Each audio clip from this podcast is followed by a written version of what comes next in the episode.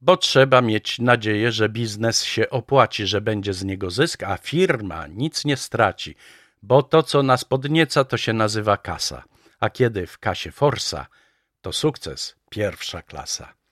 Takimi słowami wybrańcy narodu witają każdy kolejny dzień, a mnie z kolei chodzi po głowie tekst, lekko parafrazując. Hej, szable w dłoń, łuki w juki, a łupy wziąć w troki, hajda na koń, okażemy się godni epoki. Ach, epoki! Ruszamy w bój, aby Polskę uwolnić od zbója. Pisowski juj, okrutny zbój, nie zwycięży nas nigdy tralala. Prasówka tygodniówka pod redakcją Tamary Olszewskiej 20-26 lutego 2023 roku. Czyta Piotr Sobieski. Nic tak nie utrzyma ludu na smyczy prezesa, jak to ciągłe gdakanie o niepodległości. W rozmowie w sieci Kaczyński leci na całość, strasząc, że dziś to wybór między Polską prawdziwie niepodległą, bezpieczną, silną militarnie ambitną, rozwijającą się, a tą niepodległości pozbawioną, eksploatowaną, doprowadzoną rozmaitymi szaleństwami ideologicznymi do spowolnienia rozwoju, podporządkowaną Niemcom. Facet to nie XVIII wiek, nie okres międzywojenny i naprawdę ani Niemcy, ani jakiekolwiek inne państwo sojusznicze nie zamierza położyć na nas swojej łapy. Epoki i realia polityczne totalnie ci się pomyliły. A to dopiero ciekawostka. PiS ma umowę z Fundacją Rydzyka, na mocy której płaci mu niemal 37 tysięcy złotych miesięcznie za transmisję mszy na żywo. Porozumienie zostało podpisane 4 stycznia tego roku przez skarbnika partii Teresę Schubert i członka Komitetu Politycznego Ugrupowania, a jednocześnie wicepremiera i ministra rolnictwa Henryka Kowalczyka, a i jest aneksem do umowy z 2015 roku. Jak myślicie, z czyjej kieszeni leci ta kasa? A to się europoseł z PiS oczywiście Zbigniew Kuźmiuk wkurzył. W rozmowie z wirtualną Polską skarży się na Unię Europejską, bo zupełnie nie łapie, dlaczego ona wciąż nakłada nam nowe sankcje. Blokuje środki z KPO, potrąca pieniądze z należnych nam transz unijnych funduszy. Czyż ta Unia nie rozumie, że teraz to powinna nam wszystko odpuścić, trwać w tylko w podziwie za to, co robimy dla Ukrainy i nie przeszkadzać nam w niesieniu pomocy? O rany, pokrętność takiego rozumowania rzuca na kolana. Katolickie Stowarzyszenie Lekarzy Polskich szaleje. Apelowali już do psychiatrów, by ci nie wystawiali kobietom zaświadczeń uprawniających do aborcji ze względu na zagrożenie dla zdrowia psychicznego matek spowodowane rozpoznaniem choroby dziecka i odmową aborcji. A teraz idą o krok dalej. Żądają powstrzymania działalności organizacji feministycznych, które są B, bo informują Polki o możliwościach przerywania ciąży.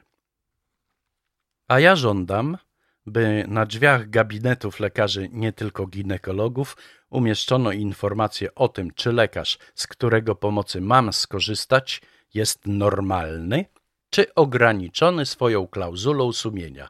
To moje prawo wyboru i tyle w temacie. Ależ nierząd nabił ludzi w butelkę, a właściwie w mieszkanie plus. W ostatnim czasie czynsze w ich lokalach ostro wzrosły. Na przykład w Dębicy do 2100 zł za 58 metrów kwadratowych, w Mińsku Mazowieckim za 66 metrów prawie 2600 zł, plus opłata za media. Szczęśliwych posiadaczy tych mieszkań łudzono też atrakcyjną formą wykupu ich na własność. I fakt, atrakcja jak cholera. W Gdyni na przykład taki wykup będzie możliwy za 30 lat i na dziś wiadomo, że za 51-metrowe lokum trzeba będzie zapłacić 1 milion 574 824 zł. Do tego stan techniczny mieszkań woła o pomstę do nieba. Wszystko się sypie, na ścianach grzyb, wadliwie położone instalacje. Nie dziwota, że lokatorzy tego cudu piszą do Morawieckiego list z prośbą o interwencję. No cóż, jeśli facet uzna, że dzięki pomocy przybędzie zwolenników PiS przy urnie wyborczej, to jest nadzieja dla nieszczęśników. Jednak w innym przypadku klapa. Nierząd wciąż wierzy, że lada moment spadną nam pieniądze z KPO. Więc już tak a konto bierze kasę z Polskiego Funduszu Rozwoju, licząc, że potem spokojnie uzupełni braki.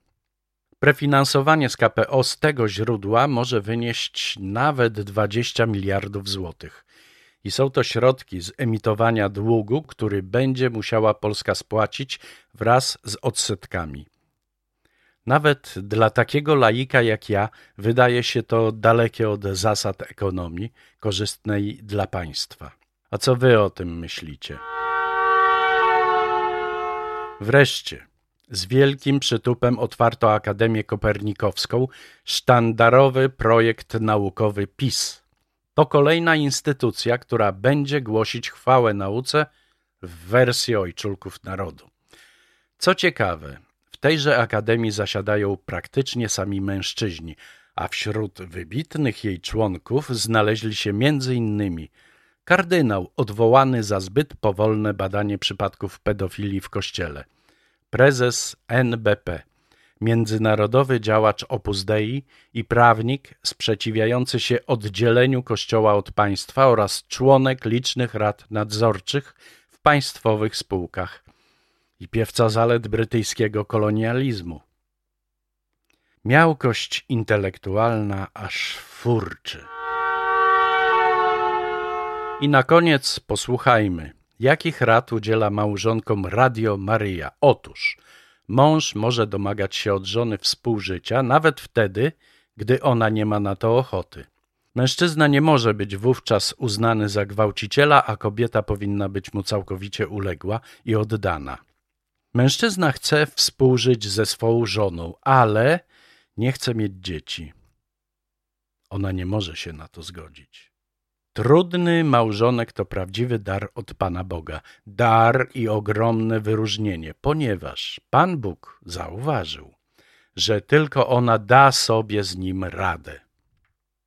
Wybaczcie, że powstrzymam się od komentarza. Ktoś jeszcze w stanie łyknąć suchara? Ogłoszenie o pracę. Rada Ministrów zatrudni byłego właściciela agencji towarzyskiej. Wymagana umiejętność ogarnianie burdelu. Była to prasówka tygodniówka pod redakcją Tamary Olszewskiej. Czytał Piotr Sobieski. Do usłyszenia.